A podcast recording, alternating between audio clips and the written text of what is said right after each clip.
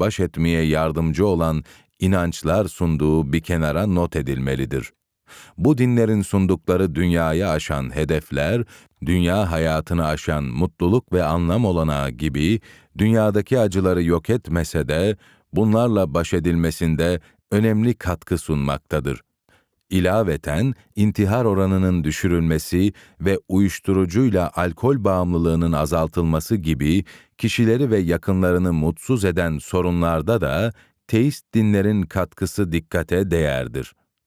Ayrıca bu dinlerin affı değerli bulması, öfke kontrolünü aşılaması, hasedi eleştirmesi, ümidi övmesi gibi hususların her biri kişileri bu dünyada mutsuz eden unsurlardan koruyup daha mutlu kılacak niteliktedir.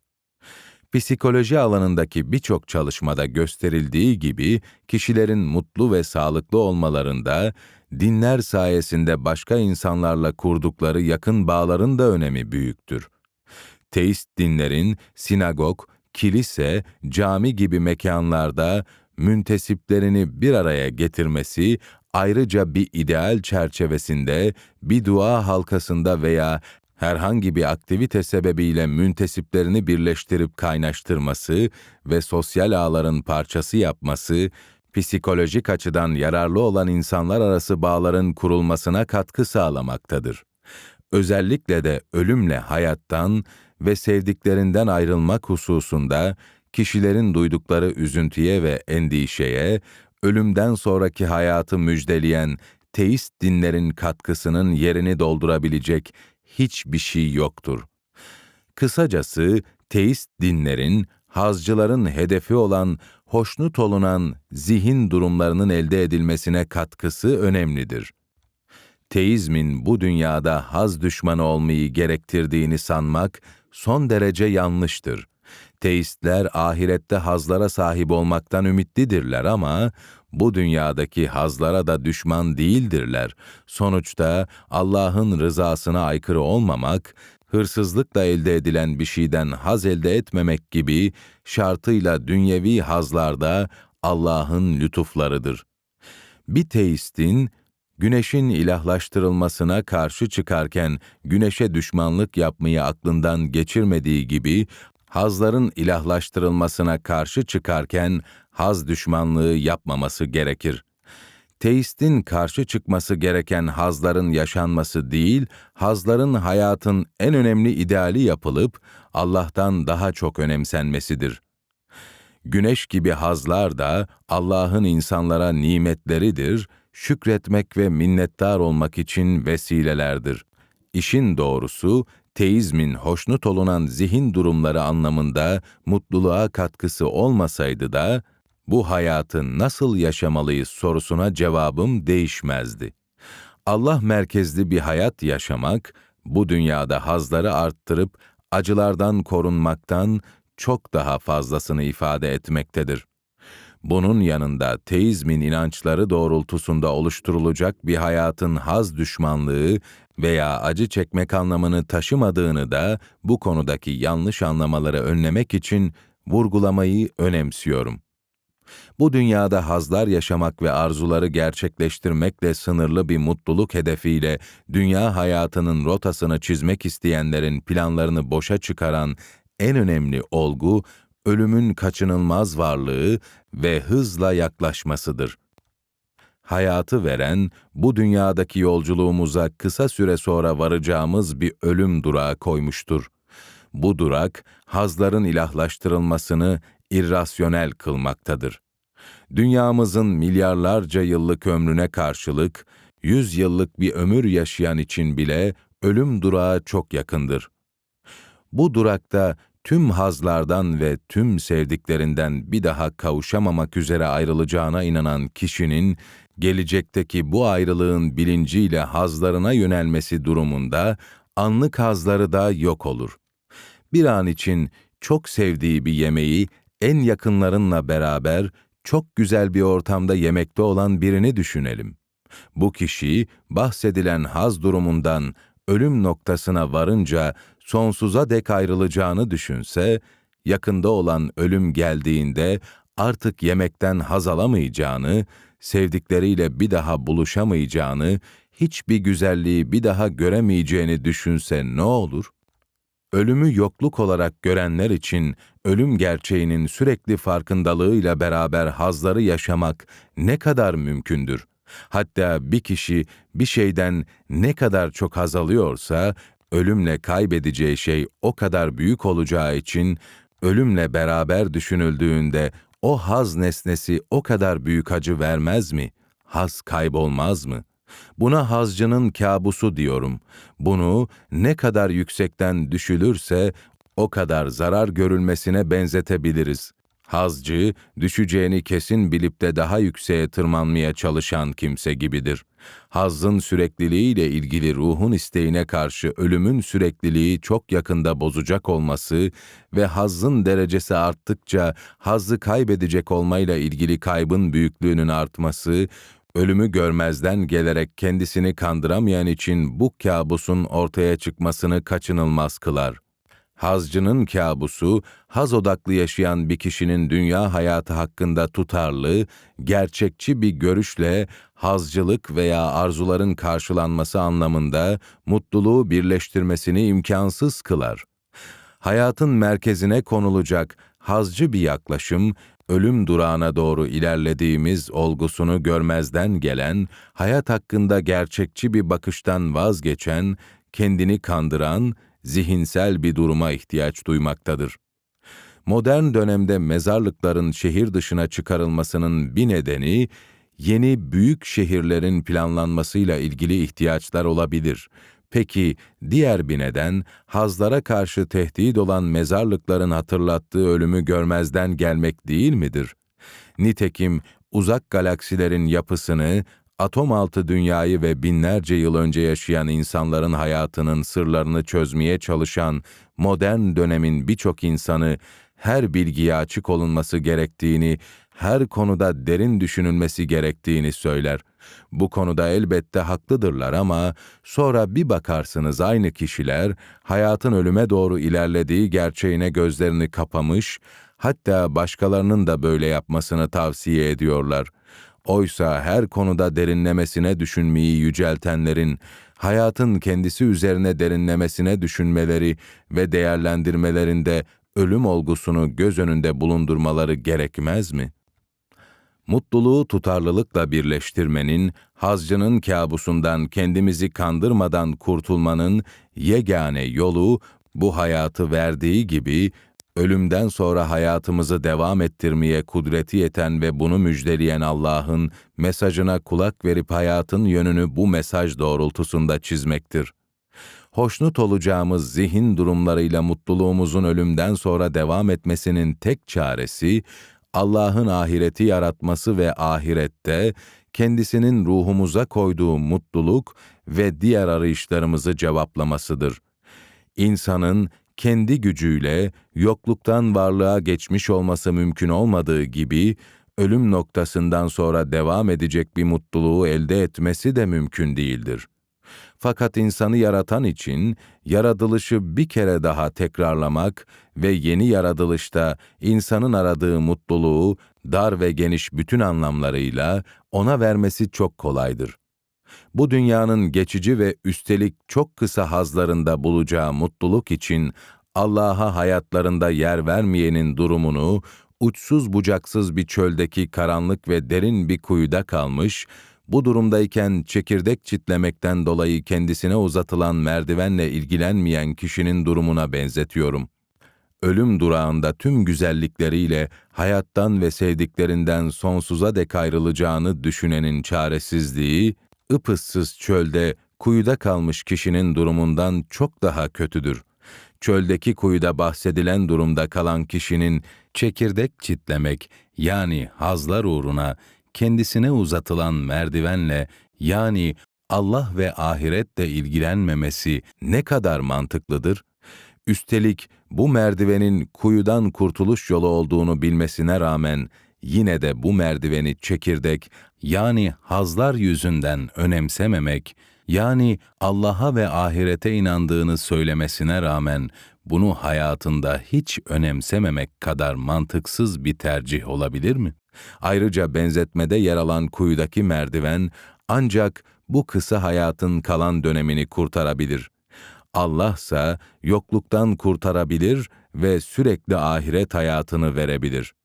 Geçici hazları hayatı verene ve ölümden sonra da devam ettireceğini müjdeleyene tercih ederek yaşamak, çekirdek uğruna kuyudan çıkış merdiveninden vazgeçmekten daha da basiretsiz bir tercihtir. İnsan en açık hakikatler hakkında bile müthiş bir kendini kandırma, zihnini gaflete sokma yeteneğine sahiptir. Ama yaşayacağımız ve tekrarı olmayan tek bir ömre sahip olduğumuzu hiç unutmamalıyız. Bu hayatta kendimizi kandırmakla zarar vereceğimiz kendimizden başkası olmayacaktır. Sonunda hayat bitecek ve kaçılmakta olan fatura elimizde kalacaktır. Kendimizi kandırmaya çalışan olmak yerine kendimizi kandırmaktan koruyan olmadıkça tek sermayemiz olan bu hayatı gereğince yaşamamız mümkün görünmemektedir. Hayatı armağan edeni, onun verdiği ve zevk alınmasını mümkün kıldığı hazlar uğruna görmezden gelmek, insanın en büyük nankörlüğü olmasının yanı sıra hiç de akıllıca değildir. Hayatı armağan edeni idrak etmek, hayatı onunla bağ kurarak, bu bağ ancak Allah'tan insana bildirim olan bir din üzerinden olabilir ve onun gösterdiği doğrultuda yaşamayı gerektirir. Hiç şüphesiz, ruhumuzun diğer çığlıklarının gerçek cevabı gibi, mutluluk arayışımızın gerçek cevabı da buradadır. İkinci çığlık, anlam. Hayatın anlamının olup olmadığı, varsa ne olduğuyla ilgili sorular, psikoloji, felsefe, ilahiyat gibi alanlarda gündeme gelmiş ve tartışılmıştır. Bu konu her insan için yüksek derecede öneme sahiptir.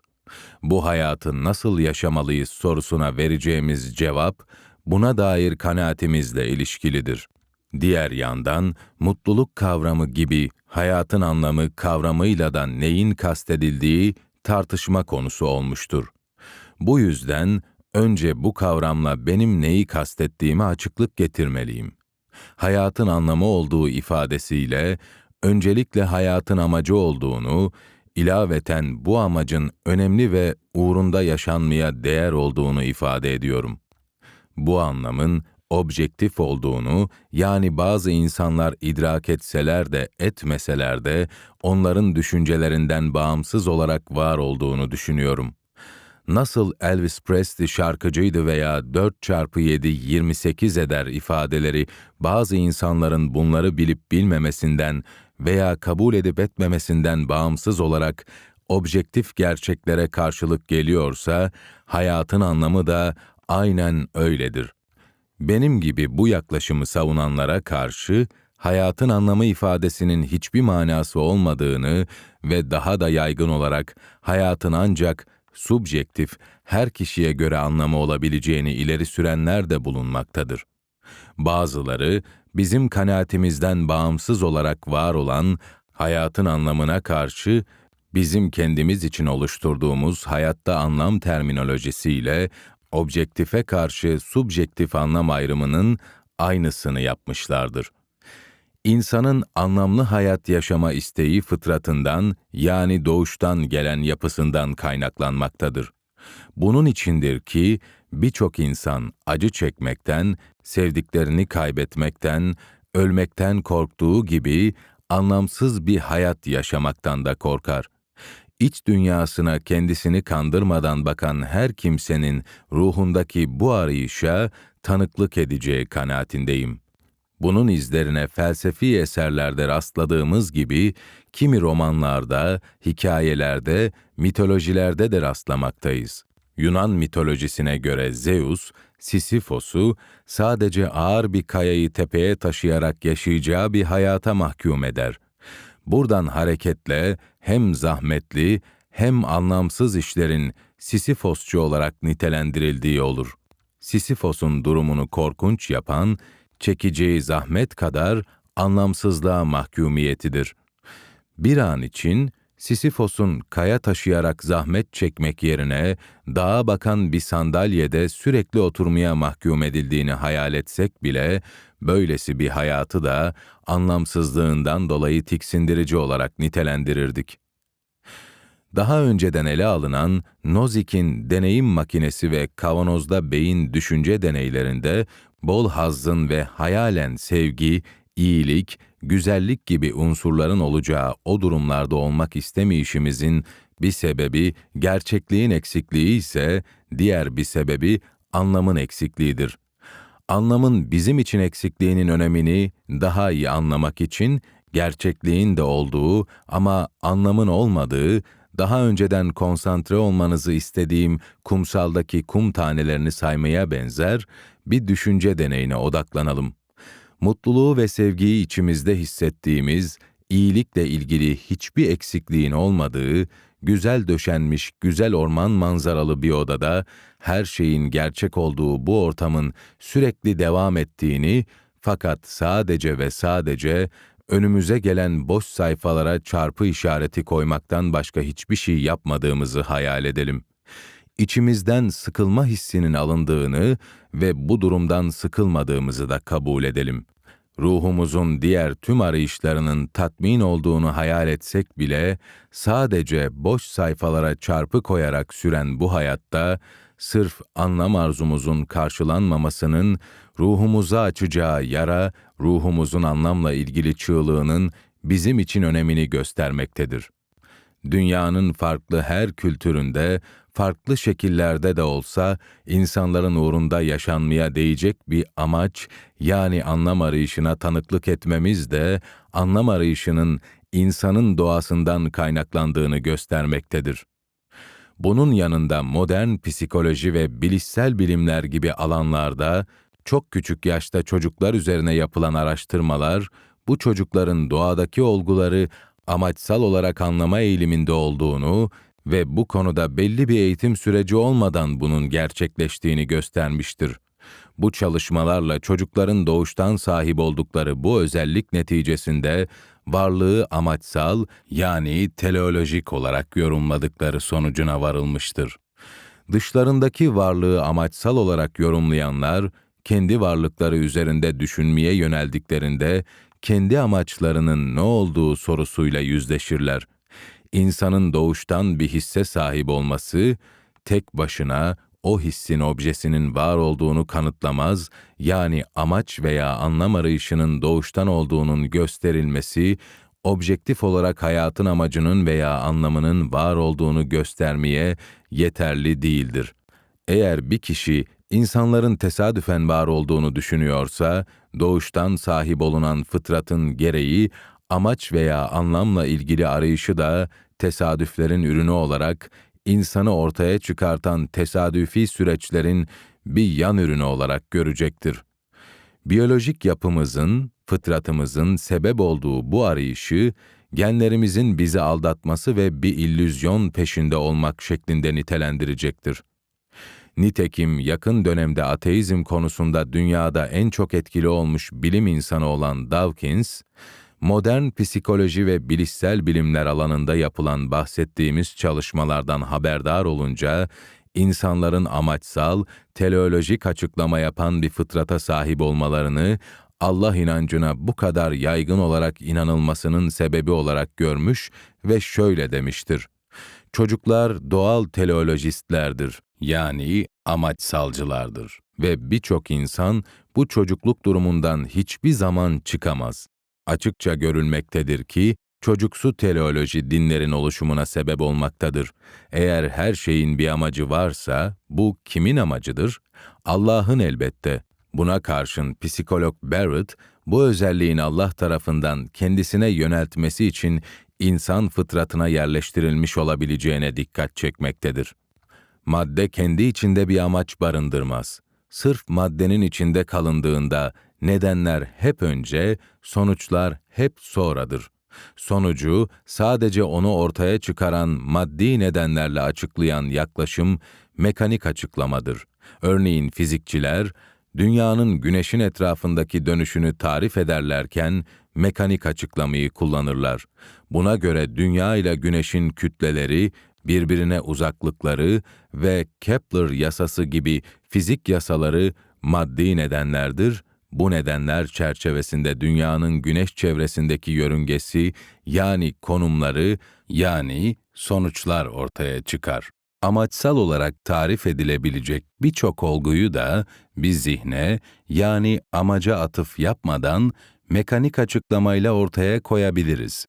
Örneğin bir inşaatta su tesisatının döşenmesi yani neden öncedir, evden suyun akması yani sonuç sonradır. Oysa zihinlerde önce amaç yani sonuç vardır. Nedenler sonuç göz önünde bulundurularak işletilirler ve sonuç ortaya çıkar. Bu amaçsal yani teleolojik, gayesel açıklamadır. Amaçsal açıklamada da nedenler sonuçlardan öncedir ama nedenlerden de önce zihinde amaç yani sonuç vardır. Örneğin bir mimarın zihninde önce inşa edilecek ev yani amaç vardır, daha sonra nedenler yani inşaat süreci bu amaca göre sonucu yani evi ortaya çıkarır. Tüm evrenin canlıların ve insanın bir amaca göre yaratılmış olmasının yegane imkanı, maddi evrenden önce ezeli bir zihnin yani Allah'ın var olması ve evrenle insanı zihnindeki amaca uygun yaratmış olmasıdır. Bu konudaki kanaatimiz, tüm hayat görüşümüzü belirleyecek kadar önemlidir. Hayatın anlamı olup olmadığı sorusunu cevaplamaya kalkan kişi, öncelikle neden buradayız sorusuyla yüzleşir. Bu soruysa nasıl buraya geldik sorusunun cevaplanmasını zaruri kılar.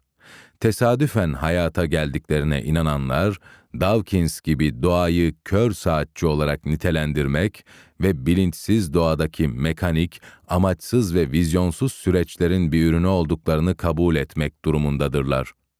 Dawkins, ateist dünya görüşüne uygun olarak evrenin amaçsız olduğuna ve insana karşı umursamaz olduğuna dikkat çekmektedir. Onun insanı amaçsız olarak nitelemesi, kendi dünya görüşü olan ateizm açısından zaruridir.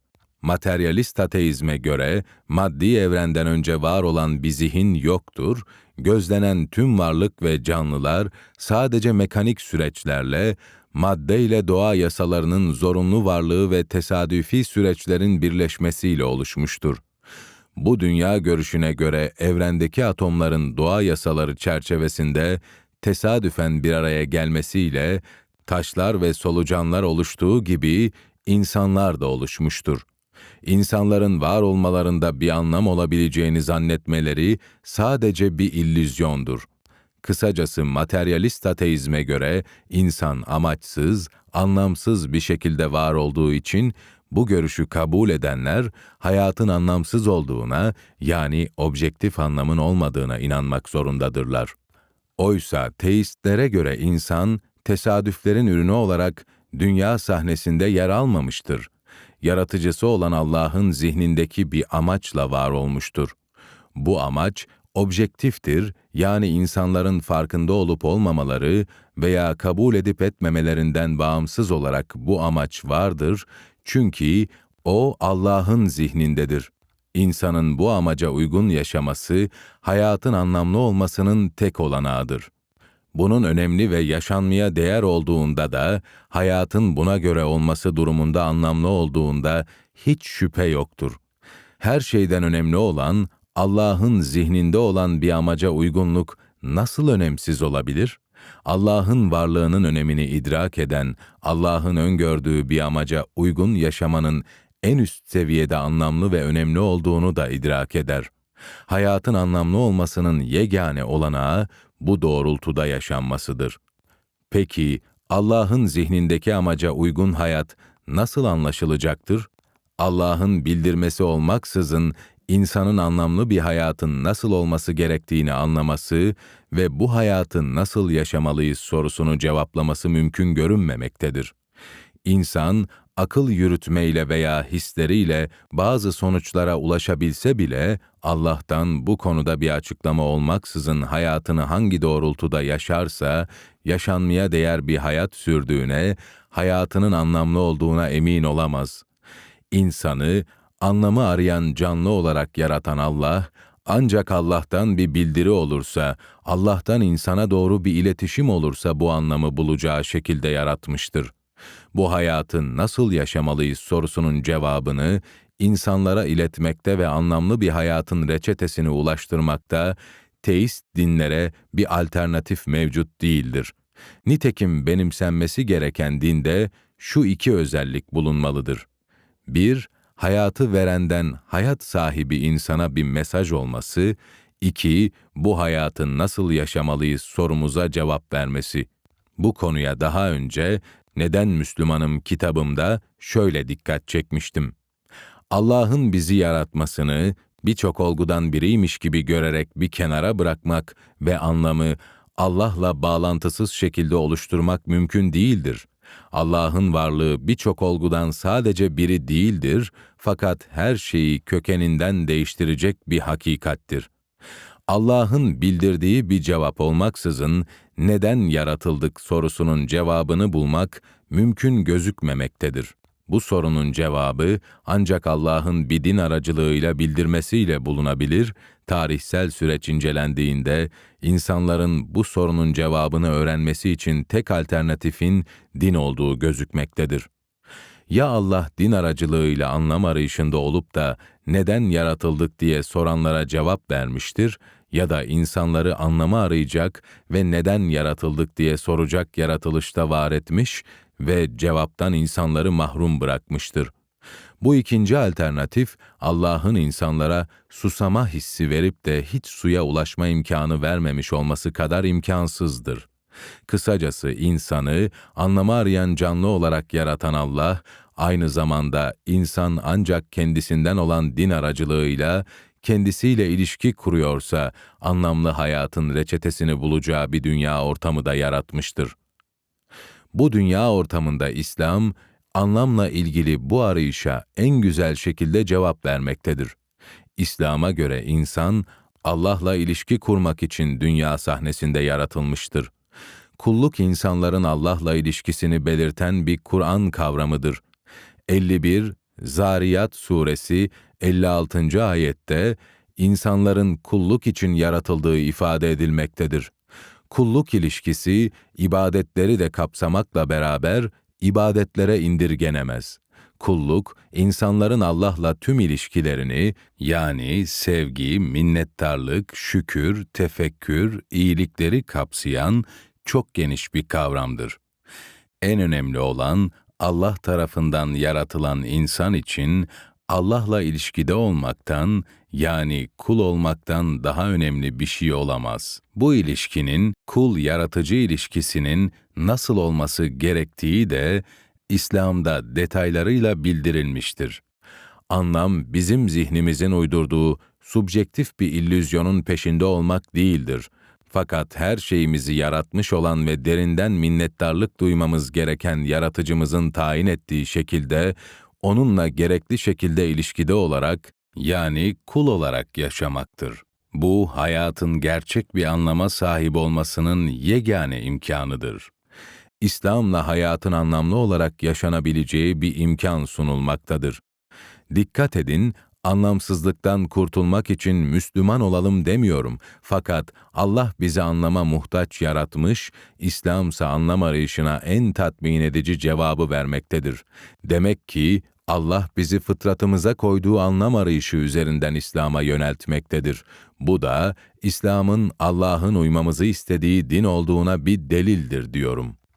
Allah'ın varlığını reddeden bazı ateist düşünürler, bu pozisyonlarının kaçınılmaz sonucunun nihilizm, hiççilik olduğunu anlamışlar ve insanın varoluşunu anlamsız bir olgu olarak nitelemişlerdir. Bunlar ancak Allah varsa hayatın anlamı olabileceğini kabul etmekte, bununla ateist inançlarını birleştirdiklerinde hayatın bir anlamı olmadığı sonucuna ulaşmaktadırlar. Birçok nihilist, Allah'a inancın hayata anlam vereceği hususunda teist dinlerle aynı görüştedir. Bunun yanında bu dinlere inandığını ifade edenlerin önemli bir kısmının bu konudaki inançlarının hayatlarının yönünü belirlememesi ciddi bir gaflet ve çelişkidir. Nihilizme götüren iki temel unsurun olduğunu söyleyebilirim. Birincisi, neden buradayız sorusuna verilen cevapla ilgilidir. Allah'ın varlığı reddedilince, doğuştan amaçsız süreçlerin ortaya çıkardığı bir varlık olduğumuza ve bir amaca bağlı olmadan burada olduğumuza inanmak kaçınılmaz hale gelir. Bunun neticesinde ise burada oluşumuzun objektif anlamının olamayacağı kanaatine varılır. İkincisi, nereye gidiyoruz sorusuna verilen cevapla ilgilidir. Objektif anlamın olamayacağını düşünen birçok kişi, kendilerinin oluşturacakları bir anlamla hayatlarını yaşama yoluna sapmışlardır, yani subjektif anlamın yeterli olduğunu düşünmüşlerdir. Oysa bir nihilist, bu kısa hayatın ölüm durağına doğru hızla gittiği gerçeğine karşı kafasını kuma gömmeden hayat hakkındaki tavrını belirler. Nihilist, kısa süre sonra kaçınılmaz olarak yok olacak hayatta herhangi bir şeyin anlamlı olmayacağının farkındadır. Kendimizin oluşturacağı bir anlamla anlamlı hayat yaşayacağımızı düşünmenin bir illüzyon olduğunu bilmektedir. Kısacası bir nihilist neden buradayız sorusuna verdiği cevaptan objektif anlamın imkansız olduğu, nereye gidiyoruz sorusuna verdiği cevaptansa subjektif anlamın da imkansız olduğu sonucuna ulaşmaktadır.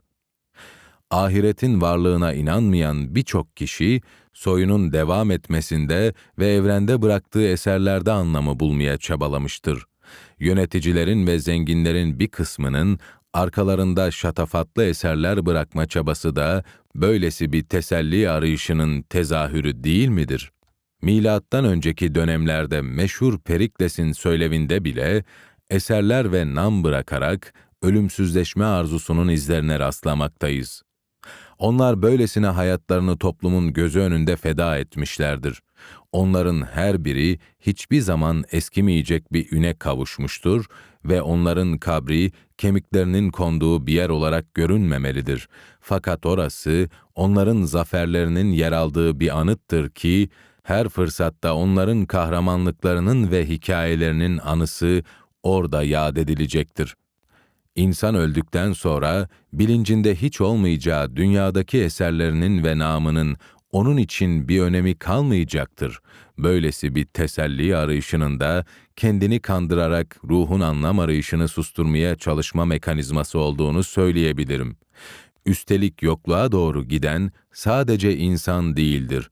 Modern bilimin verileri dünyamızın da tüm evreninde bir sona doğru gittiğini, bu son gelince tüm canlılar ve insanoğluyla beraber insanoğlunun ürettiği tüm eserlerin, teknolojilerin, sanat yapıtlarının ve bırakılan namların da yok olacağını göstermektedir.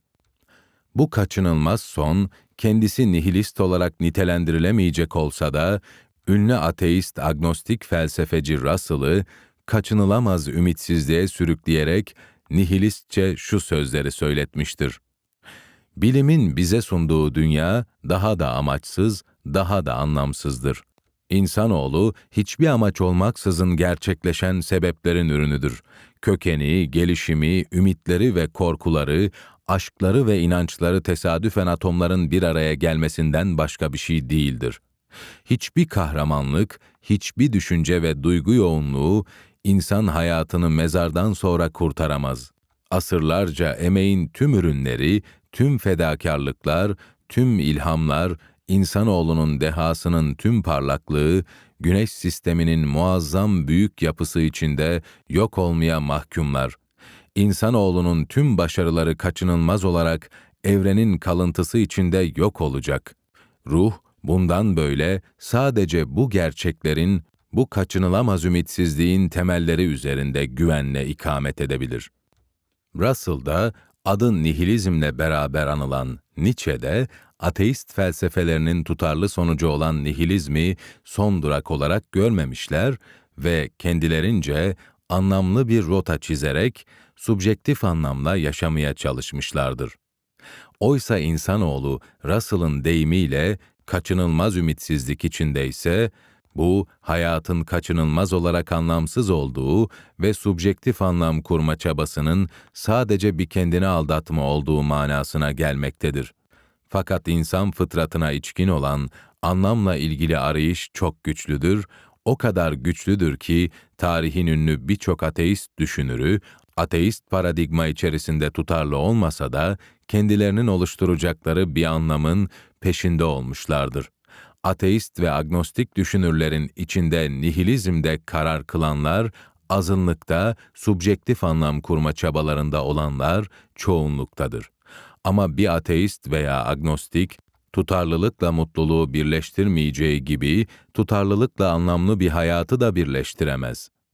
Anlamlı hayat yaşamakla anlamlı hayat yaşadığını sanmak arasındaki farka dikkat edilmelidir. Anlamlı hayat yaşadığını sanan bir kişi de ruhundaki anlamla ilgili çığlığı susturabilir. İnsanın kendisini aldatma konusundaki kabiliyeti birçok defa dikkat çektiğim gibi çok yüksektir. İnsanların kendilerini aldatmaları için Nozik'in deneyim makinesine girmeye ihtiyaçları yoktur. Fakat başarı, ruhun çığlıklarını susturmak değil, bu çığlıkların bizi yönlendirdiği hakikate ulaşmaktır. Önemli olan ruhun anlamla ilgili çığlığını başarılı bir kandırmacayla susturmak değil, fakat ruhun bu çığlığının desteklediği şekilde anlamlı bir hayatı yaşayabilmektir. Bunun yegane imkanı ise hayatı veren ve ölümden sonra hem bizim hem sevdiklerimizin hayatını devam ettirmesi çok kolay olan Allah'la bağlantılı ve onun öngördüğü şekilde yaşamaktır. Ruhumuzun çığlıkları anlamla beraber mutluluğu, sevgiyi, iyiliği, gerçekliği, güzelliği ve sürekliliği birleştirmemiz için imkanlardır. Kendimizi kandırarak bu çığlıkları susturmak mümkün olabilir ama bunu yapanlar bu çığlıkların fıtratın kendilerini yaşamaya değer anlamlı bir hayata yönlendirmesinden mahrum kalacaklardır. Ölümü son durak olarak görenler, ölene kadar içlerindeki çığlıkları susturarak son durağa kadar fıtratları tarafından rahatsız edilmemeye çalışırlar. İşin doğrusu, kendi dünya görüşleri içinde yapabilecekleri en iyi şey budur. Fakat böylece fıtratlarının yanlış dünya görüşlerini düzeltmesinden ve düzeltilmiş dünya görüşleriyle hayatlarını yaşama şansından mahrum kalmaktadırlar. Ölümün bir geçiş durağı olduğuna inandığını ifade eden bazı teistlerin ateistler ve agnostikler gibi fıtratlarından gelen çığlıkları bastırarak yaşamaya çalışması ise büyük bir çelişkidir.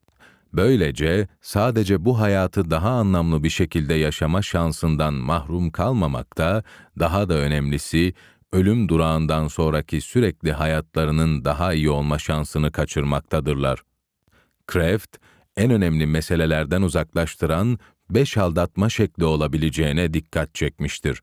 Birincisi yoldan çevirmedir içinde bulunduğumuz dünyadaki birçok küçük hedefle sürekli oyalanılarak büyük hedeflerden uzak kalınmaktadır.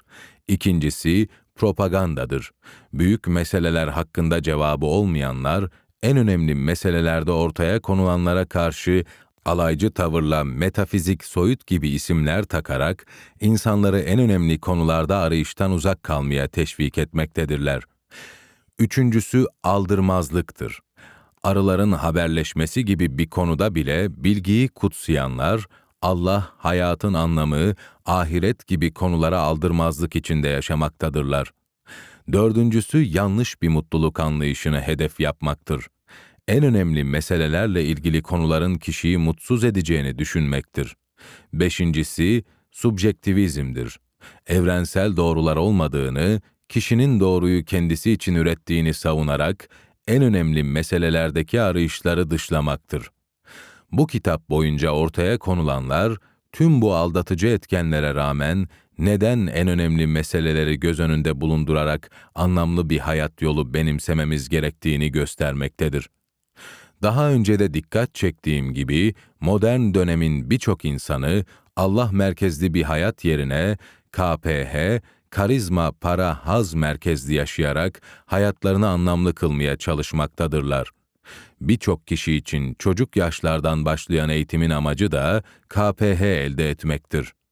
Egoyu doyurmak, Karizma, cebi doyurmak, para ve iştahı doyurmak, haz için kafanın doyurulması, eğitim bir araca dönüşmüştür. Bu bakış açısına sahip olanlar, eğitimden başlayarak hayatlarını KPH elde etme motivasyonuyla kurgulamaktadırlar. Gelecekle ilgili hangi üniversitede okumak istiyorsun, okulu bitirince ne iş yapacaksın ve yaşlılık dönemini nasıl geçirmeyi planlıyorsun gibi soruları normal olarak başkalarına ve kendilerine soranların bahsedilen sorulardan çok daha önemli olan nereye gidiyoruz sorusundan saklanması ve ölümden sonraki milyarlarca yıllık geleceği görmezden gelmesindeki anormalliği görebiliyor musunuz? Birçok insanın en üst seviyedeki deliliklerinden birisi, dünyadaki çok küçük kayıplarını, örneğin arabalarına birisinin çarpıp zarar vermesini çok yüksek seviyede kafaya takarlarken, ölümle hayattaki her şeyin ellerinden çıkacak olmasına karşı umursamaz kalarak hayatlarını geçirmeleridir. İnsanın karizma sahibi olup başkaları tarafından beğenilme ve takdir edilme isteği, canının istediği birçok şeyi almakta aracı olan parayı elde etme çabası, acı çekmeyi değil de hazları tercih etmesi elbette çok doğaldır. Burada karşı çıkılan bir insanın KPH isteği de KPH elde etmek için belli bir çaba göstermesi de değildir. Fakat KPH hedefinin hayatın temel anlamı olarak değerlendirilmesidir. Ölüm, KPH için yapılan yatırımın batacağı kesin olan bir firmaya yatırımdan farksız olduğunu göstermektedir. Nereye gidiyoruz sorusu gibi hayatımız açısından çok temel bir soruyla kendimizi kandırmadan yüzleşmemiz, KPH merkezli sahte anlam oluşturma çabamızı geçersiz kılmaktadır. Bu dünyadaki hedeflerimizi elde etsek bile zamanı dolduramamamız, dünya ile ilgili hiçbir şeyin kaçınılmaz kısalığı ve geçiciliği, salt dünya ile ilişkili hiçbir hedefte hayatın anlamı olamayacağını göstermektedir. Modernleşme ve küreselleşme süreçleri geçmiş dönemlerden daha rekabetçi bir ortam oluşturmakta, insanları hayatın gürültüsü içinde başkalarıyla KPH rekabetine itmekte birçok kişi ciddi şekilde kendi kendilerine neden buradayız ve bu hayatın anlamı ne sorularını sormadan bu gürültünün içinde hayatlarını tüketmektedirler. Kierkegaard, eğer bir doktor olsaydı, modern dönemin tüm hastalıklarına tek bir çare önermesi istenseydi, sessizliği reçete olarak yazacağını boş yere söylememiştir içimizden kopan çığlıkların sesini duyabilmek ve ona göre tavır alabilmek için böylesi bir sessizliğe ihtiyacı olduğunu kim inkar edebilir? Allah'ın varlığını anlayan, dünyadaki varlığının bir amacın neticesinde gerçekleştiğini ve anlamlı bir hayat yaşama olanağının kendini kandırmak olmadığını anlar. Allah'ın insanı yarattığını anlayan, insanın doğasına içkin anlam arayışının Allah tarafından insanın içine anlamı bulması için konulduğunu idrak eder. Allah'ı adeta ötekilerin yaratıcısı gibi düşünüp onun her şeyden önce benim yaratıcım olduğunu idrak edememek önemli bir eksikliktir. Evet, o benim yaratıcımdır ve bunu anlayıp tüm benliğimizle bunu hissetmek, hayatın ancak onunla ilişki kurmamızla anlamlı olduğunu idrak etmemizden çok önemlidir. Ezeli varlık olan yaratıcımız Allah'ın hafızasında hiç silinmeden kalıcı olarak beğenilmiş bir kul olarak yer almak ve dünyaya aşan ahirette iyi bir yer edinmek gerçekten de hayatın anlamı olmaya değer hedeflerdir.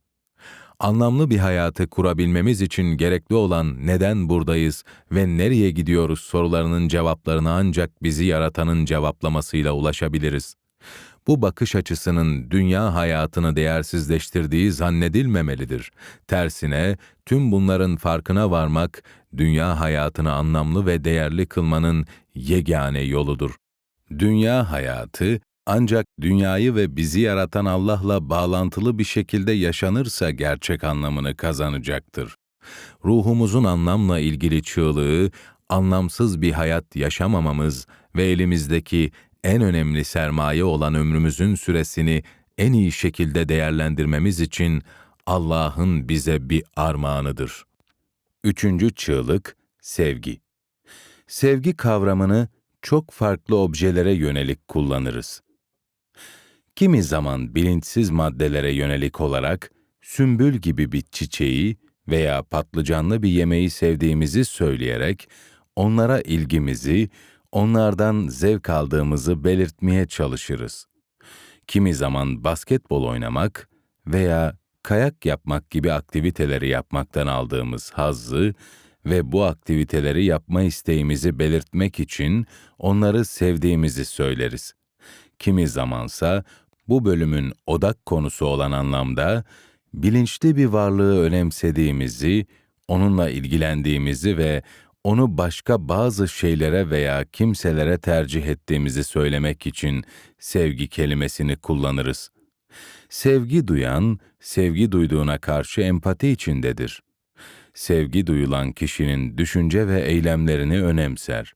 Arkadaşa, eşe, anneye ve Allah'a karşı duyulan sevgi arasında büyük farklar vardır ama birbirinden çok farklı bu sevgilerin hepsinde değişen derecelerde sevilenin önemsenmesi, sevilene değer verilmesi ortak unsurdur.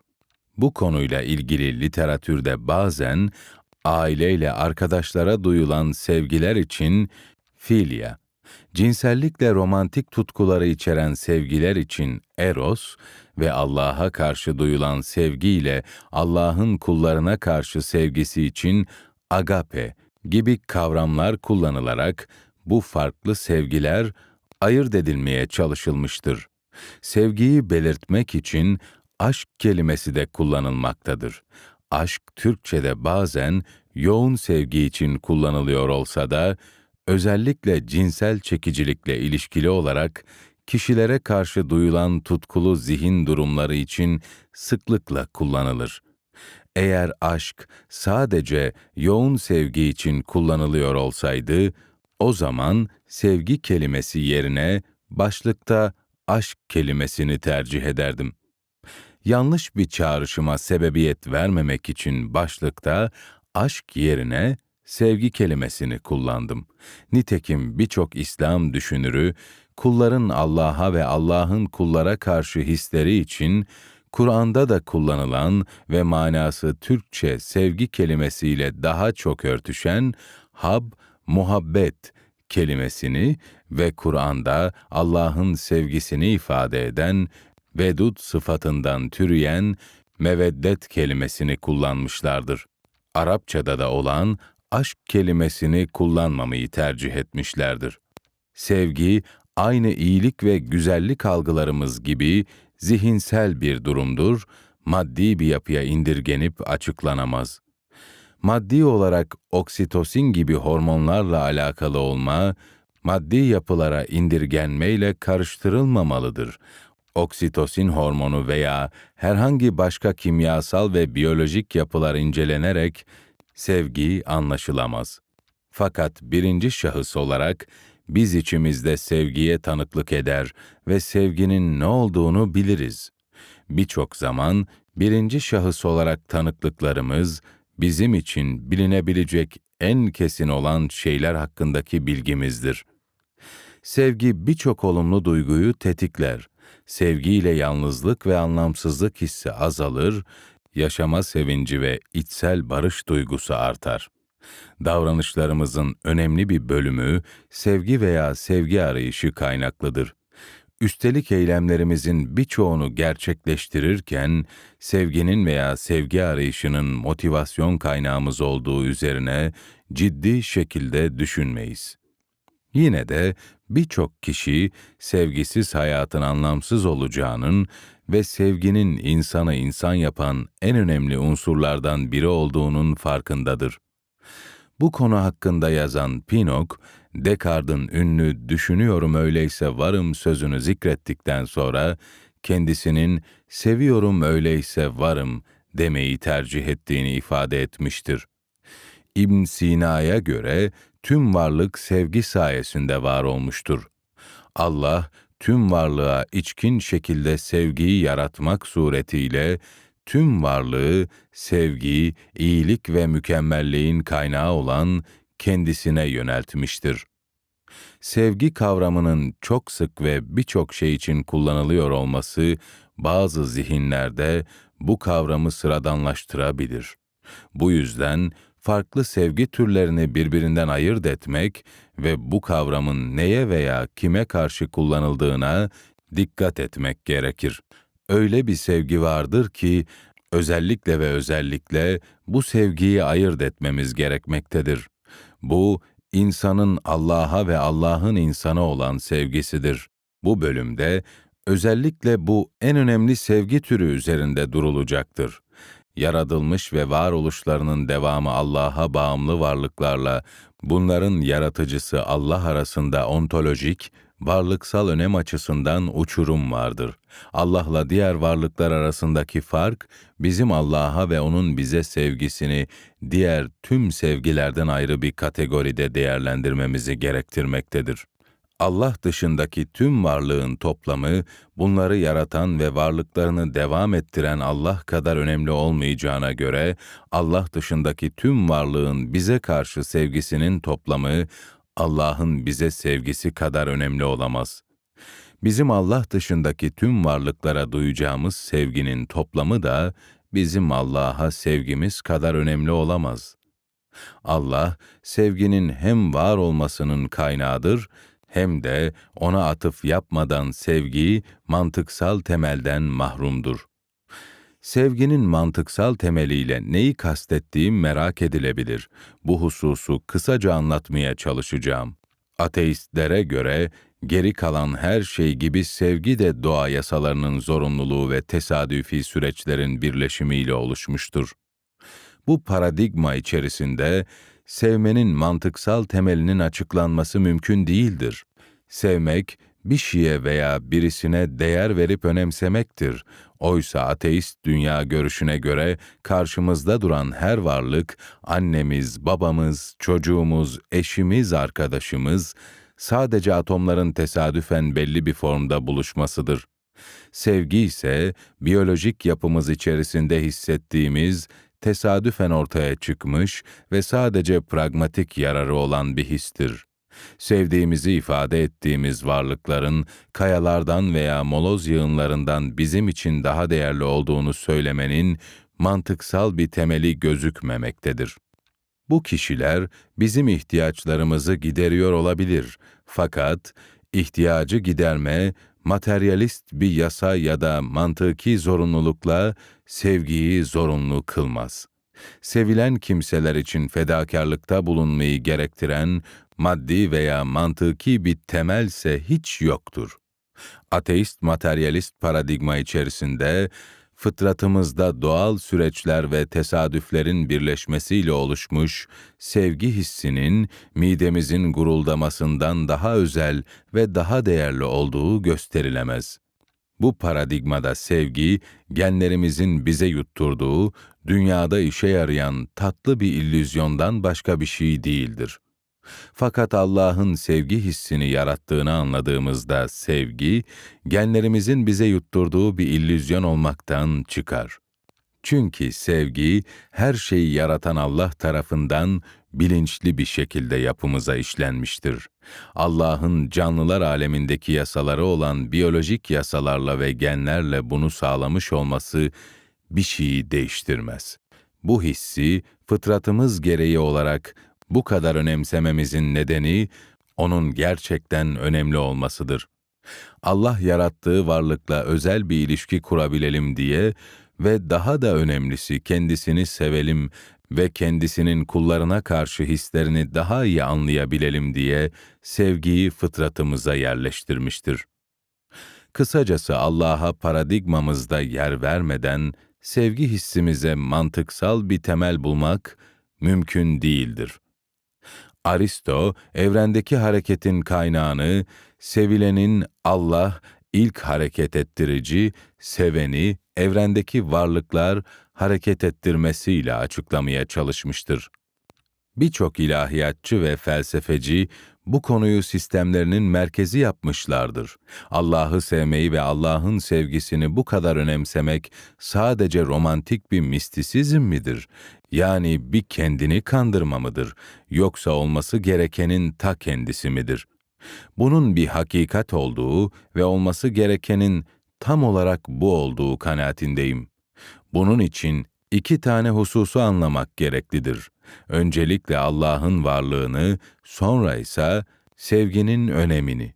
Allah'ın varlığının nasıl temellendirileceğini daha önceki bölümlerde atıf yaptığım kitaplarımda ele aldım. Sevginin önemini anlamak içinse mutlulukla ilgili başlıkta değindiğim düşünce deneyinin yeterli olduğu kanaatindeyim. Sağlıklı her insan fıtratı gereği sevmek ve sevilmek ister. Hayatta istediğimiz her şeyi elde ettiğimiz fakat hiç kimseyi sevemediğimiz ve hiç kimse tarafından sevilmediğimiz bir durumu hayal edelim. Daha da kötüsü herkesten nefret ettiğimiz ve herkesin bizden nefret ettiği bir durumu da hayal edelim.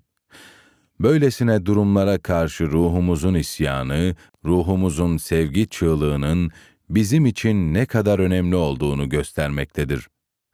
Tarih boyunca din adına ortaya koyulan hastalıklı görüşlerin tedavisi için dinin içindeki sevgi vurgusunu arttırmak önemli bir ilaçtır.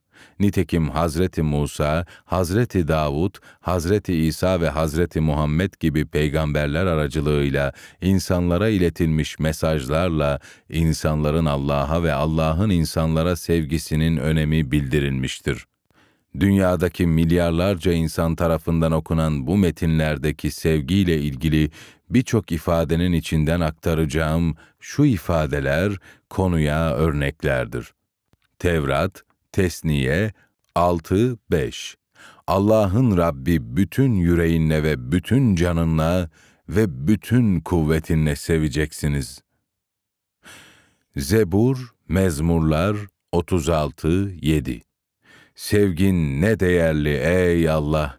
Kanatlarının gölgesine sığınır insanoğlu. 36-8 Evindeki bolluğa doyarlar, zevklerinin ırmağından içirirsin onlara. 36 9 Çünkü yaşam kaynağı sensin. Senin ışığınla aydınlanırız. 36 10 Sürekli göster seni tanıyanlara sevgini, yüreği temiz olanlara doğruluğunu. İncil Matta 22-36 Ey öğretmen, ruhsal yasada en önemli buyruk hangisidir?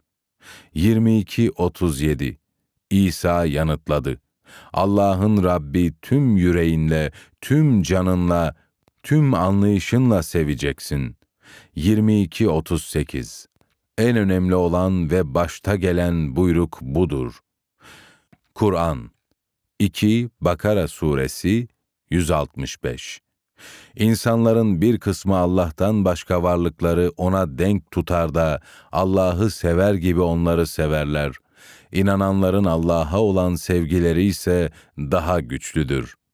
Kur'an 5 Maide suresi 54 İnananlar aranızdan kim dininden dönerse bilsin ki Allah kendisinin onları sevdiği ve onların da kendisini sevdiği inananlara karşı alçak gönüllü, inkarcılara karşı güçlü ve onurlu, Allah yolunda çaba gösteren kınayıcının kınamasından korkmayan bir millet getirir.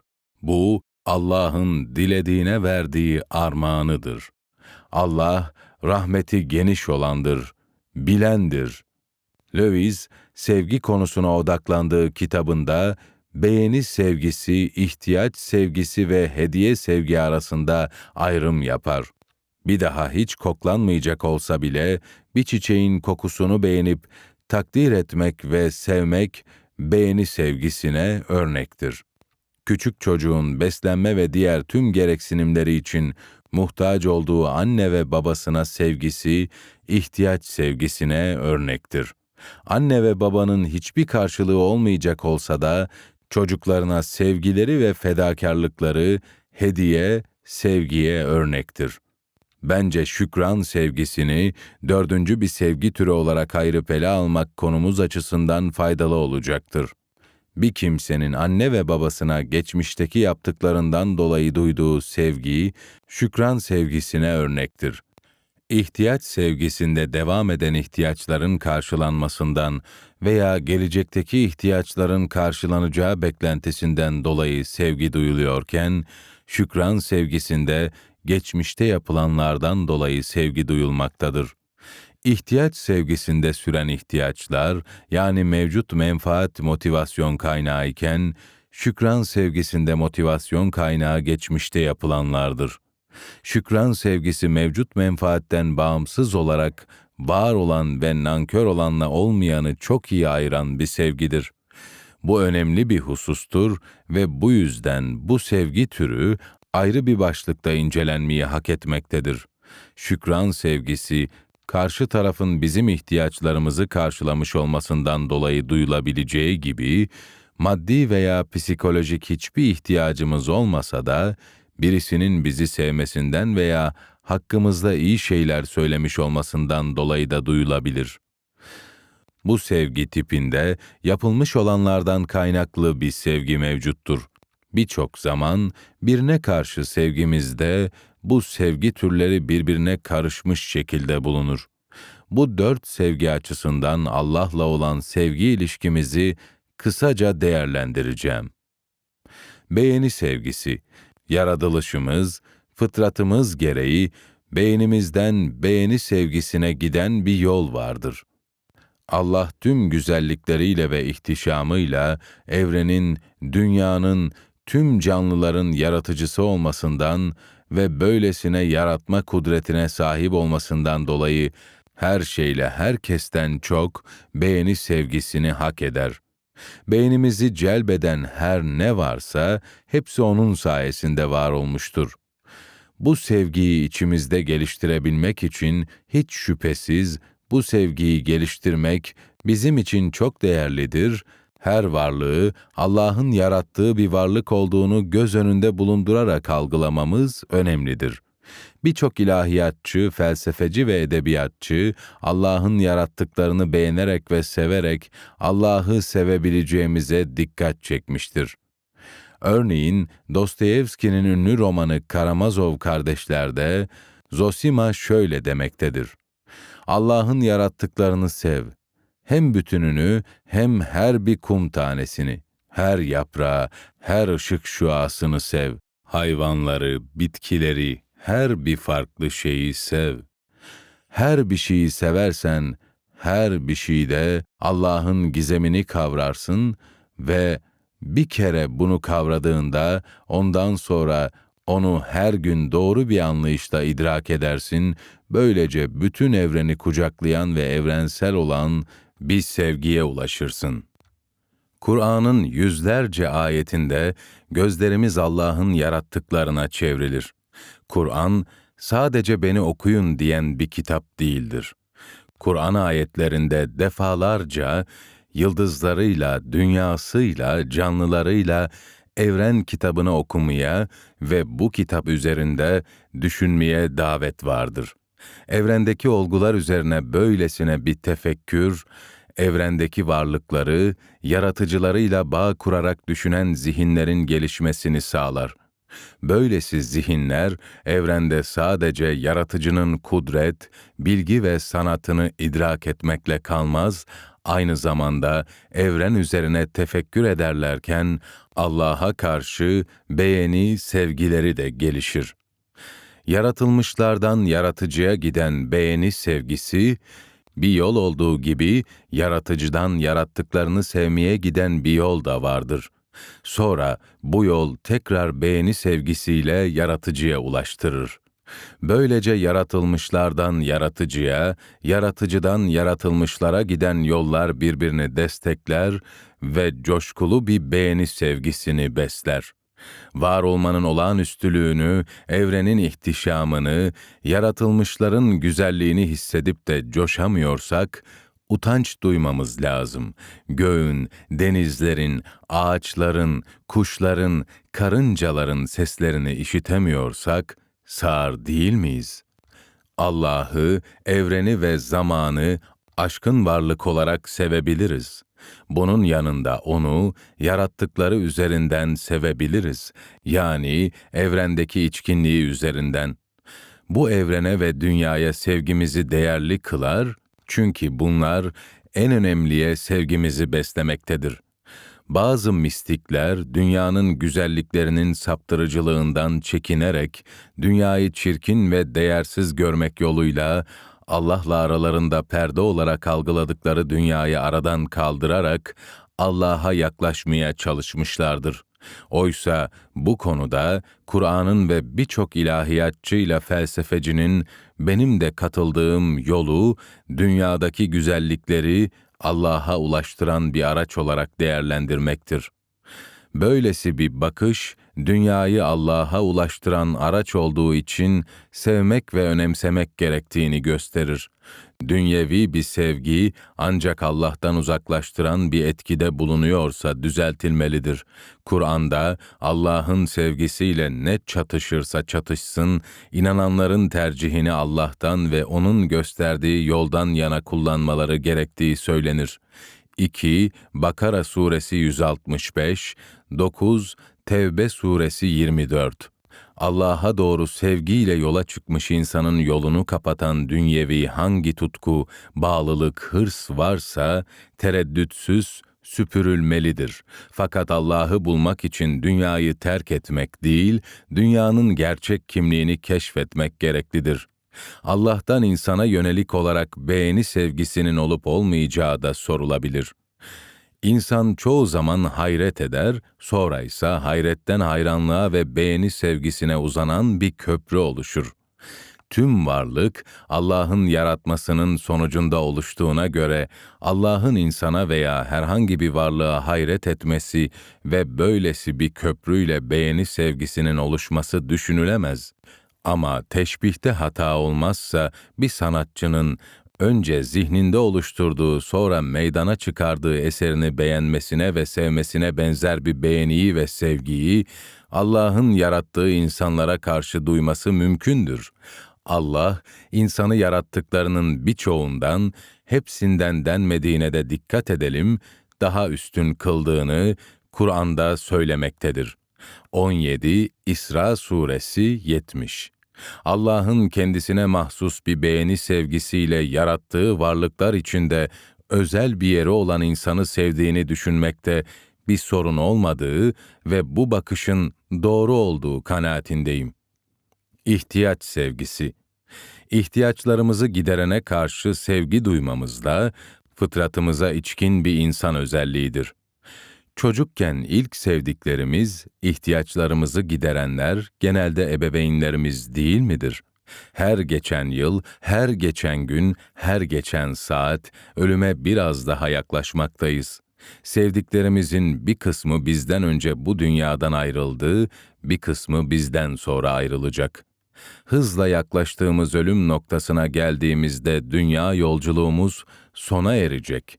Oysa işitmek, görmek, annemize sarılmak, çiçekleri koklamak, sevdiğimizle oynaşmak, dostlarla yemek sofralarında buluşmak ne kadar da güzeldi.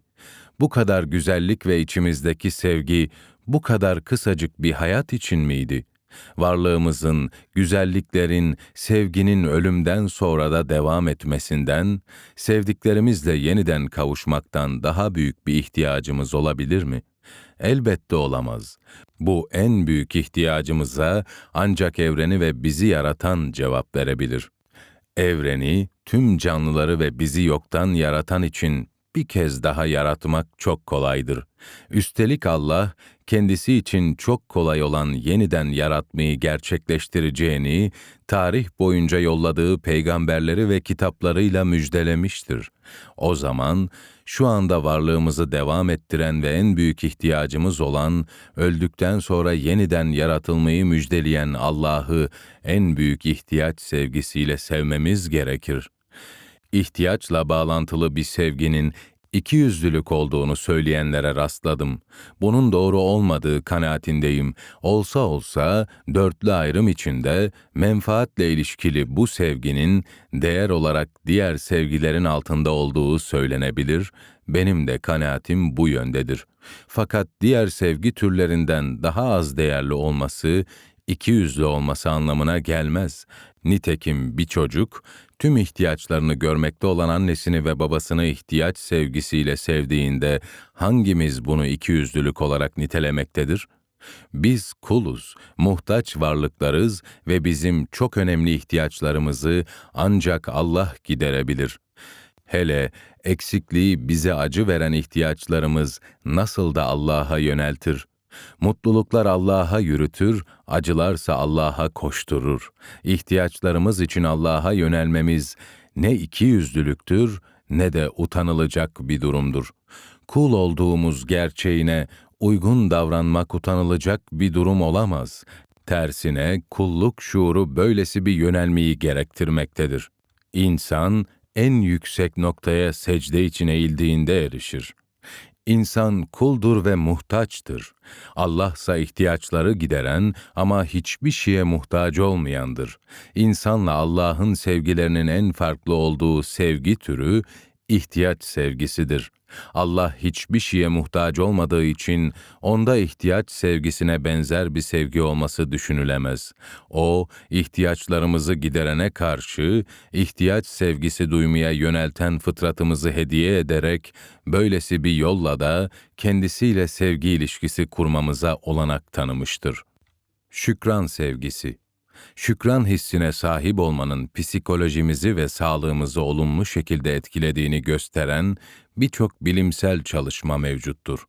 Fıtratımızın gereği olarak ihtiyaçlarımızı gidermiş, yardım etmiş, zor zamanlarda destek olmuş, sevgisini göstermiş kişilere karşı şükran hissi duyarız şükran duygumuza eşlik eden bir sevgi vardır ki buna şükran sevgisi diyorum.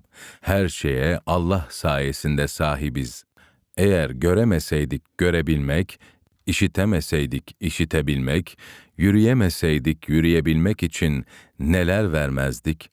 Birisi bize önemli gözlemlerimizin yüzde biri bile olmayan bir şey vermiş olsa, o kişiye karşı şükran sevgisi beslemez miyiz?'' Veya biz birisine önemi gözlerinin yüzde biri bile olmayan bir şey vermiş olsak ve o kişi bu yaptığımızı görmezden gelse onun nankör olarak nitelendirerek kızmaz mıyız? Allah'ın birçok insana işitmeyi, görmeyi, yürümeyi ve diğer birçok nimeti vermiş olması bizim bunları küçük görmemize, şükran sevgimizin eksik olmasına yol açmamalıdır birçok zaman hemen herkeste olup da bizde de olan özelliklerin işitme, görme gibi değerini gereğince takdir edemiyoruz. Bu yanlış algının ve büyük nankörlüğün üstesinden gelmek için işitemeseydik, göremeseydik, yürüyemeseydik, bizim için ne kadar büyük eksiklik olacağına ciddi şekilde konsantre olup düşünmemiz gerekmektedir hayatı boyunca bize iyilikleri dokunan herkese toplam şükran duygumuzdan ve şükran sevgimizden çok daha fazlasını Allah'a göstermemiz gerekmektedir. Nedeni gayet basit. Allah'ın bizi var etmiş olması ve verdiği nimetler tüm insanların bize yaptıkları iyiliklerin toplamından kat be kat daha önemlidir sahip olduklarımıza tesadüfen değil de seven bir Allah'ın lütfuyla sahip olduğumuzu bilmek, içimizdeki minnettarlık hissini harekete geçiren ve şükran sevgisini besleyen çok önemli bir husustur. Şükran sevgisini ihtiyaç sevgisinden ayıran önemli bir özellik, hiçbir menfaat kalmadığında da şükran sevgisinin var olmasıdır kişinin nankör olup olmadığını, şükran hissi ve bundan kaynaklı şükran sevgisi çok iyi ortaya çıkarmaktadır.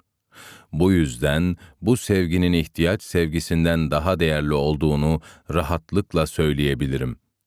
Anne babasına ihtiyaç içindeyken ihtiyaç sevgisi duyan birçok kimse anne babasına hiçbir ihtiyacı kalmadığı dönemde onlara sırtlarını dönüp onlarla ilgilenmemektedir. Elbette ihtiyaçları giderilirken de anne babasına karşı nankör olan ve sevgi beslemeyen evlat örneklerine rastlanmaktadır.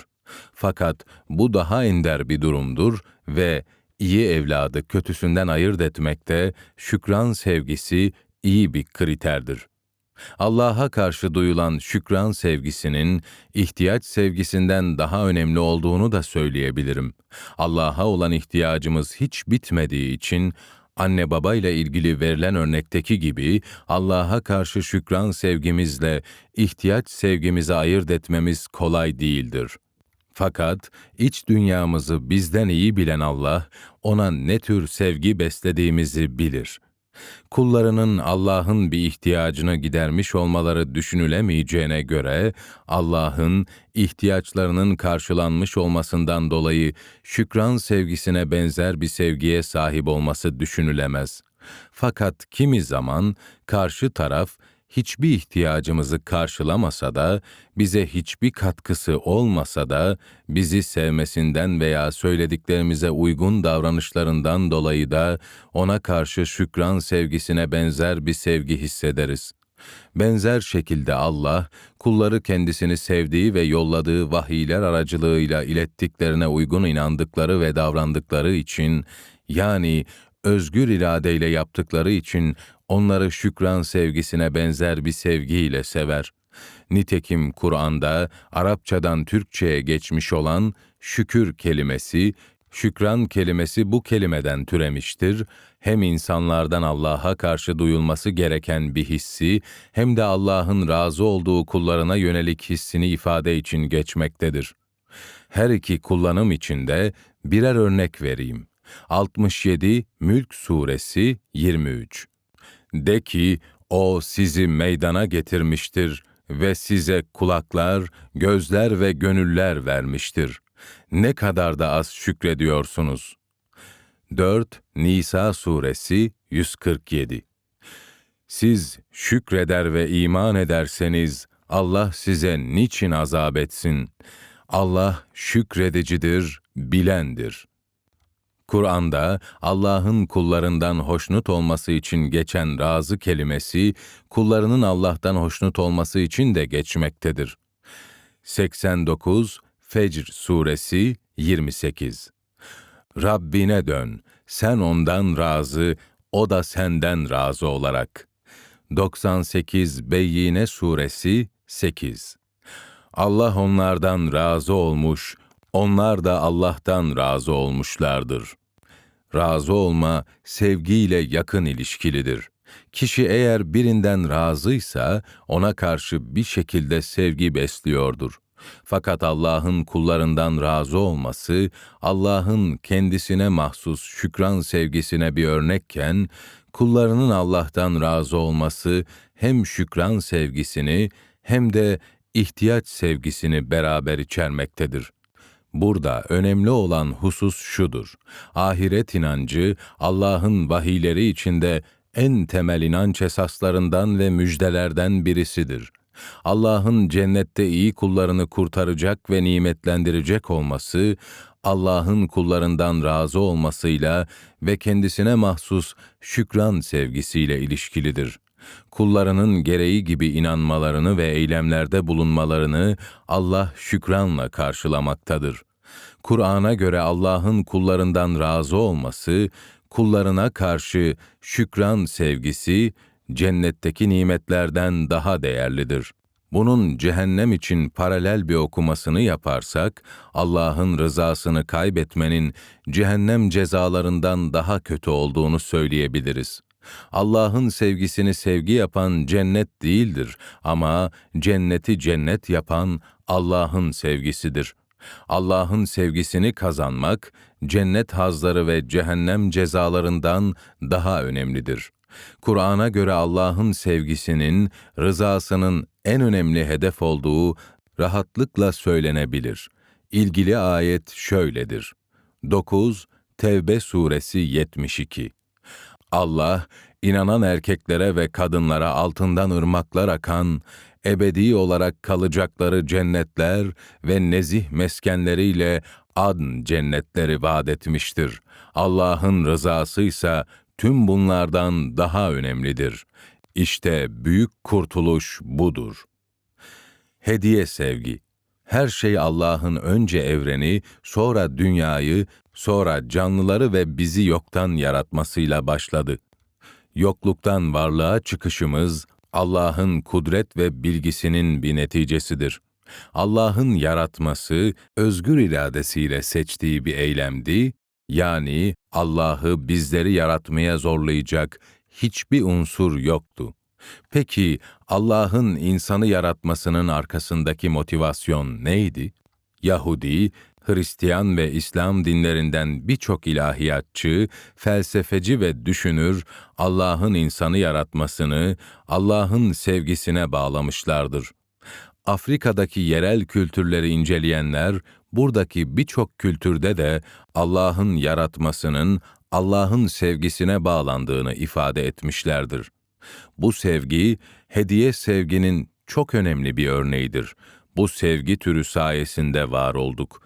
Daha önce sayılan unsurların hiçbiri bu sevgide yoktur. Ne beğeni, ne ihtiyaç, ne de şükran bu sevginin kaynağıdır. Birçok kişi Allah bizi niye yarattı diye sormakta, Allah'ın bizim varlığımıza ihtiyacı olmamasına rağmen bizi neden var ettiğini merak etmektedir. Bir eylemin sadece bir ihtiyaçla motive olabileceğini zannetmek ciddi bir hatadır. Hediye sevgi ne geçmişteki bir yapılana karşı şükranla ne de mevcut veya ileride ortaya çıkacak bir ihtiyacın giderilmesiyle motive olmaktadır. Hediye sevgi başlangıçların başlatıcısıdır. Bu yüzden sevgi ana oyunun bir figüranı gibi asla düşünülmemelidir.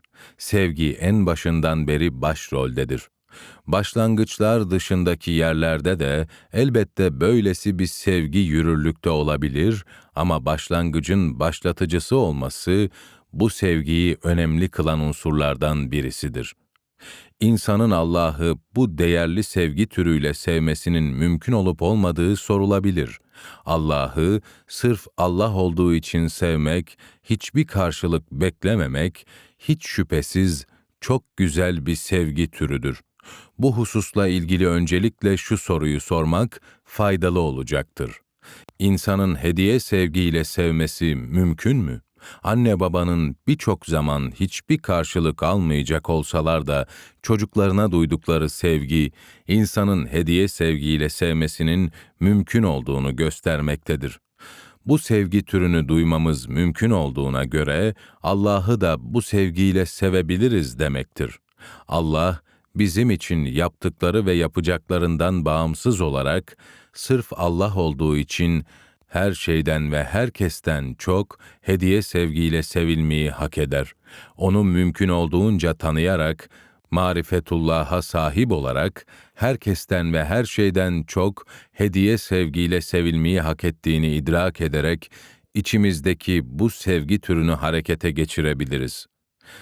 Gazali'nin dikkat çektiği gibi en değerli kazanç Allah'ı tanımaktır, marifetullah ve Allah'ı tanıma yetkinleştikçe Allah'a sevgi de yetkinleşir. Dinde erdem olarak kabul edilen birçok düşünce ve eylem sevginin meyvesidir. Allah'a karşı gösterilecek hediye sevginin alameti, Allah'tan hiçbir karşılık alma beklentisi olmadan Allah'ı sevmek ve Allah yolunda olmaktan dolayı sıkıntılarla, zorluklarla, menfaat kapılarıyla karşılaşıldığında bunları tereddütsüz göğüslemektir. Agustin, bir arkadaşının ölümü üzerine yalnızlık ve keder duygularını derinlemesine hisseder ve mutluluğun geçici olanlar üzerine bina edilmeyeceğini, sevginin bir nimet olması için sadece ezeli olana yönelik olması gerektiğini ifade eder. Lewis, çok saygı duyduğu Agustin'in sevgiye karşı bu yaklaşımının garantici insan doğasına uygun olduğunu ifade eder fakat eksik bulur. Allah'ı hesapsız kitapsız sevmek gerektiğini, kendini garantiye almaya çalışarak Allah'a karşı gösterilen sevgilerin eksik olduğunu söyler. Lewis'e göre menfaate ve hesaba dayanmayan hediye sevgi, sevginin en üst formudur ve bizim de Allah'ı böylesi bir sevgiyle sevmemiz gerekmektedir. Biz Allah'a tüm sevgilerde mevcut olan çilelerden kaçarak değil, fakat tüm çileleri kabullenerek ve ona adayarak tüm savunmacı zırhımızı bir kenara atarak yaklaşabiliriz.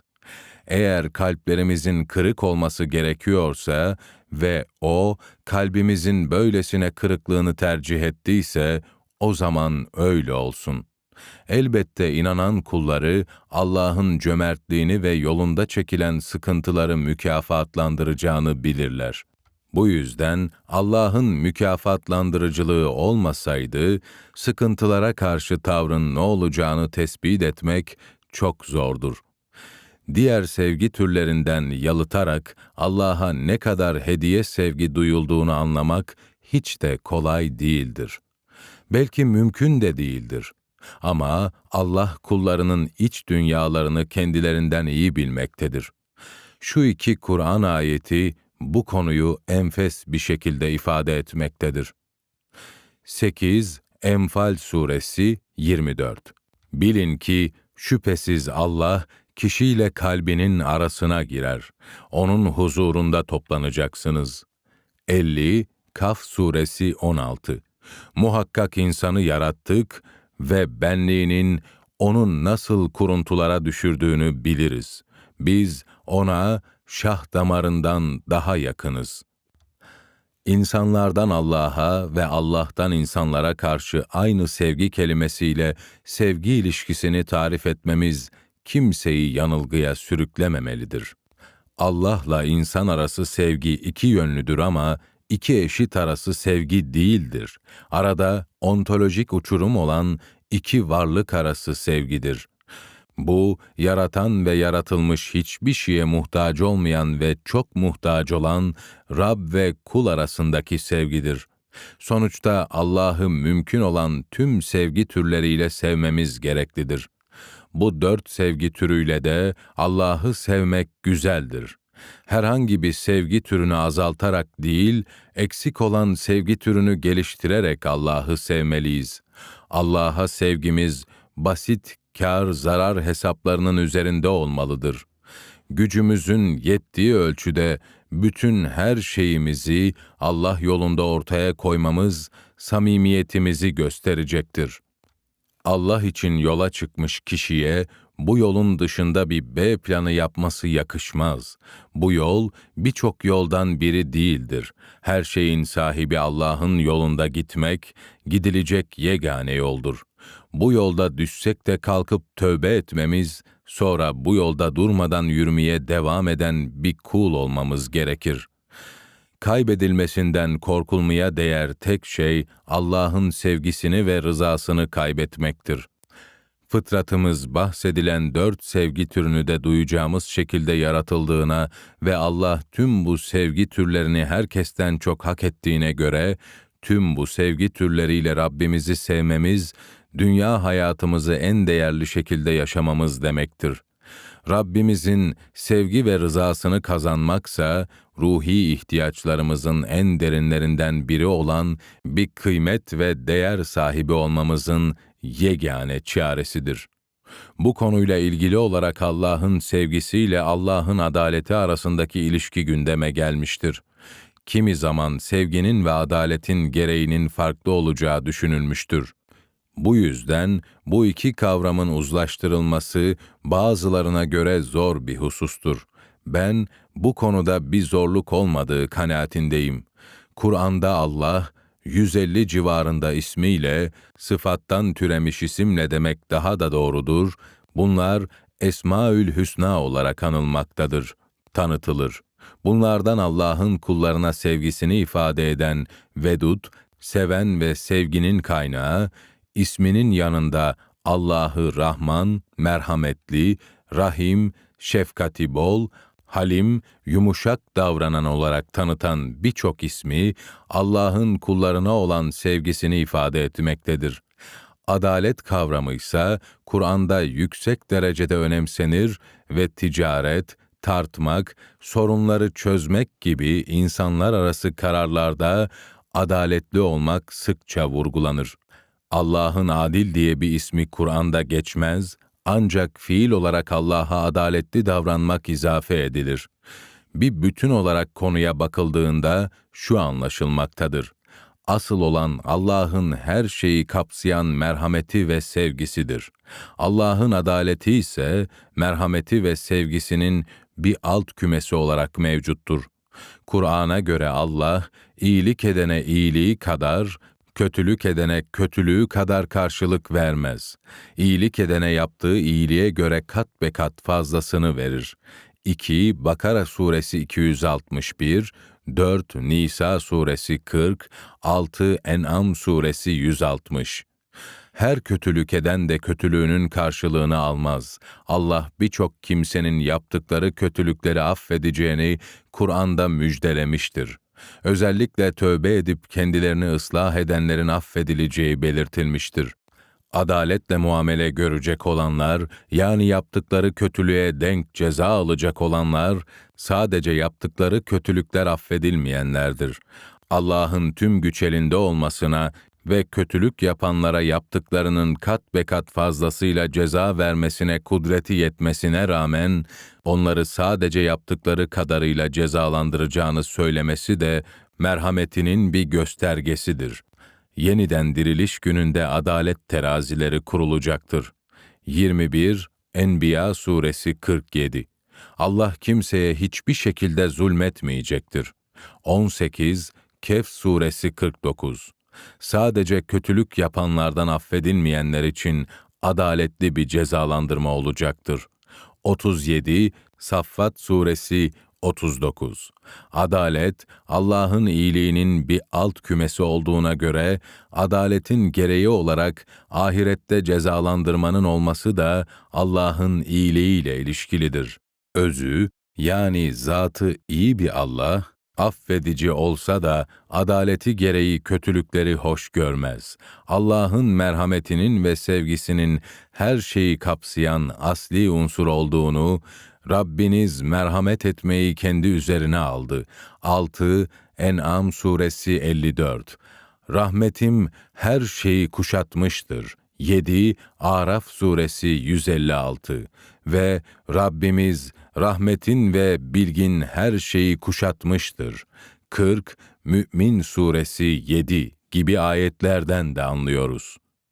Bizi yaratan, varlığımızın sebebi olan, ezeli ve ebedi olan Rabbimizle beraberliğimiz ve onunla kuracağımız ilişki, bütün beraberliklerimizden ve ilişkilerimizden çok daha önemli ve çok daha farklıdır. Ünlü Yahudi filozof Buber, en temel ve en esrarlı karşılıklı ilişkinin ezeli Allah'la ilişkimiz olduğuna, Allah'la ilişkimizin ben o ilişkisi değil, ben sen ilişkisi olduğuna dikkat çekip felsefi yaklaşımında bu ilişkimize merkezi bir rol vermiştir.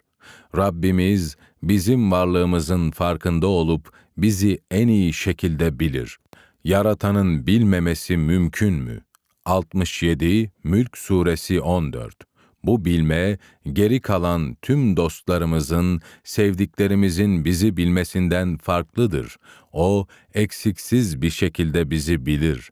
Birçok zaman en yakınlarımızın bizi anlayamadıklarından, bize haksızlık yaptıklarından yakınır, yanlış anlaşılmanın sıkıntı ve stresini yaşarız. Fakat Allah'ın bizi yanlış anlaması ve eksik bilmesi diye bir şey söz konusu değildir. Bizi kimse tam bilemez, hatta kendimizi bile kandırabiliriz veya birçok zaman çözemeyiz. Bizi yanlış anlaması mümkün olmayan ve her zaman tam olarak doğru anlayan tek varlık merhametli Rabbimizdir. Yaratılmış insan zihni aynı anda ancak birkaç işle veya kişiyle ilgilenebilecek kapasitededir. Fakat her şeyin yaratıcısı Allah için yarattığı her kulunun iç dünyasıyla ilgili her detaya vakıf olmak çok kolaydır. Kulların nerede ve ne halde olurlarsa olsunlar, her kulun karşısında Allah'ın yüzü, zatı mevcuttur. 2 Bakara suresi 115 Ayrıca ilişkide olduğumuz birçok kişiyle ilişkimiz zaman zaman kesilir. Evlenince anne babasıyla görüşmesi azalır birçok kişinin. Bazen dostlarla tatile gidilince bir süre eşlerden, çocuklardan ayrılık olur, Çocuklar evlenince onlardan ayrılık olur. Kişi en çok beraber olduklarıyla bile günün kimi bölümlerinde ayrılık yaşar. Fakat Allah'la ne hayatın belli bir döneminde ne de günün herhangi bir zamanında ayrılık vardır. Nerede olursanız olun o sizinle beraberdir. 57 Hadid Suresi 4 Yaşadığımız hayat boyunca bizi tam olarak anlayan ve bizden hiç ayrılmayan bir tek O'dur. Ayrıca beraber olduğumuz insanlar ölünce beraberliğimizle ilgili her şey onların bu dünyadaki hafızalarından silinir. Bizim ölümümüzde ise geri kalan varlıklar hakkındaki bilgimiz ve onlarla ilişkimiz hafızamızdan silinir. Fakat Allah her şeyi hem de ebedi olarak hatırlar. Bizle ilgili her bilgi, sevinçlerimiz, hüzünlerimiz, üretimlerimiz, gayretlerimiz hepsi onun hafızasında sonsuza dek var olacaktır. Ancak onun istemesi sayesinde ahirette bizim de hafızamızdaki bilgilere yeniden kavuşmamız mümkündür. Allah'la beraberlik ve sevgi ilişkisinin değerini anlayan, Allah'a gönülden sevgi besler ve hayatını değerli kılma fırsatını yakalar. Allah'la beraberlik ve sevgi ilişkisinin değerini idrak etmeden bu hayatı değerli kılmanın olanağı yoktur. Allah inananların dostudur. 2 Bakara suresi 257 bu dostluk o kadar değerlidir ki hiçbir şey onun yerini dolduramaz. Seçeceğiniz bin kişinin en yakın dostu olma imkanınız olduğunu hayal edin. Dünyanın en zenginleri, kraliyet ailelerinin üyeleri, sporcular, sanatçılar arasında seçeceğiniz bin kişinin en yakın dostu olacaksınız. Bunun Allah'ın dostluğunun yanında anılmaya değmeyecek kadar önemsiz olduğunu anlayabilmemiz gerekir. Bizimle sürekli beraber olan, bizi bizden iyi bilen, bizimle ilgili tüm bilgiyi ebedi olarak muhafaza edecek olan Allah'la severek ilişkide olmak, insanı değersizlikten kurtaracak tek olanaktır.'' Genelde maddi varlıklara karşı arzumuz onları elde edince geçer, yemek yiyince yemeğe karşı arzumuzun geçmesi gibi. Maddi unsurlara sahip olmayan, onları isterken, manevi unsurlara sahip olmayan, onların değerlerini bilmeyebilir, onları istemeyebilir, manevi olanlara karşı arzumuz, elde ettiğimizde ise geçmez, onları elde edince Örneğin Allah sevgisini daha da çok bağlanır, daha da çok isteriz. Agustin tüm varlıkla ilişkimizi bir araç olma ve iki tatmin olma açısından ikiye ayırmıştır. Ona göre sadece Allah gerçek tatmini verebilir, geri kalan her şey Allah'la ilgili bir hedef doğrultusunda ancak araç değerine sahiptir araçsal öneme sahip dünyevi unsurlar arzularımızı karşılayabilir ama bunlar ancak Allah'ı bilmemize ve onunla tatmin olmamıza aracılık ediyorsa bir kıymetleri olabilir. İslam düşünürlerinin bir kısmı da yaratılmış varlıkları sevmeye mecazi aşk, yaratan Allah'ı sevmeye ise hakiki aşk demişler. Mecazi aşkların ancak Allah'a olan hakiki aşka ulaştırması durumunda bir değeri olabileceğini ifade etmişlerdir. Kur'an'ın kalpler ancak Allah'ın hatırlanmasıyla tatmin olur. 13 Rad suresi 28 ayeti mecazi aşklarla ruhun hiçbir zaman gerçek tatmini bulamayacağını ifade etmektedir. Evrenin yaratıcısına karşı duyulan sevgi, tüm varlıkla ruhsal barış içinde olmak ve o çok korkulan ölümün, sevginin kaynağıyla buluşmanın kapısı olduğunu idrak etmek demektir. İslam, Allah'la iletişimi hayatın merkezine koyar ve en önemli tarafından beğenilmek, takdir edilmek ve sevilmek kadar önemli ve değerli bir hedef olmadığını göstererek böylesine değerli bir hedefle hayatımıza yön verir. İslam, Allah'la kurulan sevgi ilişkisinin hayatın üzerine kurulması gereken temel olduğunun dersini verir. Hayat ancak bu temel üzerine kurulursa gerçek değerini bulabilir. Dördüncü çığlık, iyi. İyinin gerçekleşmesi ve kötüden uzak kalmak, ruhumuzun en önemli çığlıklarındandır.